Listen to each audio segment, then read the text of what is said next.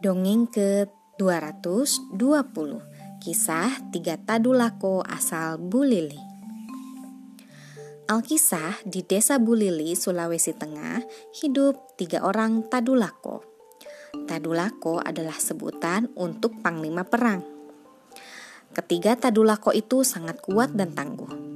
Mereka bernama Bantaili, Molove, dan Makeku Suatu hari, raja dari Sigi datang ke Bulili.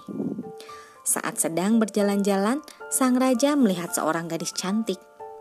Sang raja lalu meminang gadis cantik itu. Setelah menikah, mereka tinggal di Bulili. Sudah cukup lama, Raja Sigi tinggal di Bulili. Suatu hari, sang raja merasa bosan tinggal di Bulili. Dia memutuskan untuk pulang ke Sigi. Sebelum berangkat, sang raja izin kepada istrinya. Padahal saat itu istrinya sedang hamil. Istriku, aku harus kembali ke Sigi. Aku sudah cukup lama meninggalkan kerajaanku. Masih banyak urusan yang harus aku selesaikan di sana. Alasan sang raja. Tapi aku sedang mengandung. Haruskah kau pergi sekarang? Apakah kau tidak ingin melihat anak ini lahir? Tanya sang istri sedih. Maafkan aku, tapi aku harus tetap pergi. Tetaplah di sini bersama anak kita. Nanti aku akan datang ke sini untuk menemui kalian, kata sang raja. Keesokan harinya, Raja Sigi pergi ke negerinya.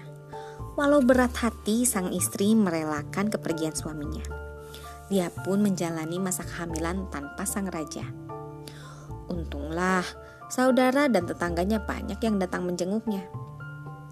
Setelah beberapa bulan, akhirnya sang istri melahirkan bayi yang sehat. Semua warga Bulili sangat bahagia menyambut bayi itu.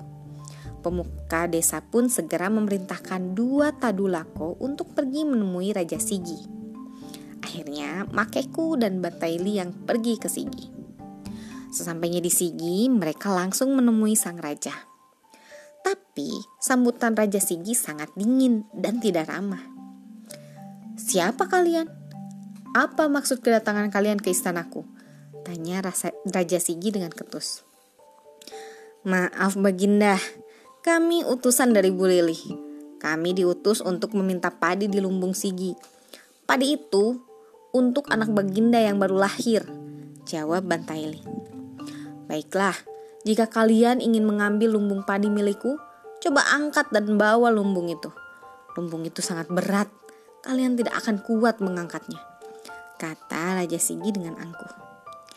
Makeku dan Bantaili hanya tersenyum. Mereka lalu pergi menuju lumbung padi Raja Sigi. Dengan mudah, mereka mengangkat lumbung yang besar itu. Raja Sigi pun terkejut melihatnya. Dia tidak tahu kalau Makeku dan Bantaili adalah tadulako yang kuat dan sakti. Raja Sigi pun marah melihat tumbung padinya berhasil dibawa.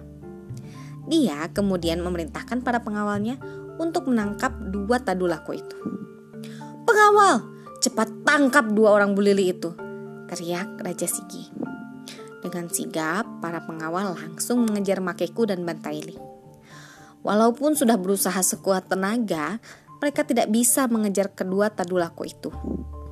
Sampai akhirnya, Makeku dan Bantaili tiba di sebuah sungai yang besar dan dalam.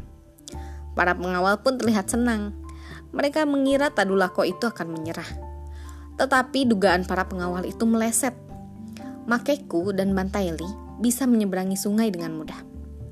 Para pengawal kerajaan yang melihat hal itu hanya bisa terdiam. Mereka tidak akan mampu menyeberangi sungai yang besar dan dalam itu. Akhirnya, Makeku dan Bantaili lolos dari kejaran para pengawal Raja Sigi. Makeku dan Bantaili pun tiba di desa Bulili dengan selamat. Sekian, terima kasih telah mendengarkan. Selamat malam.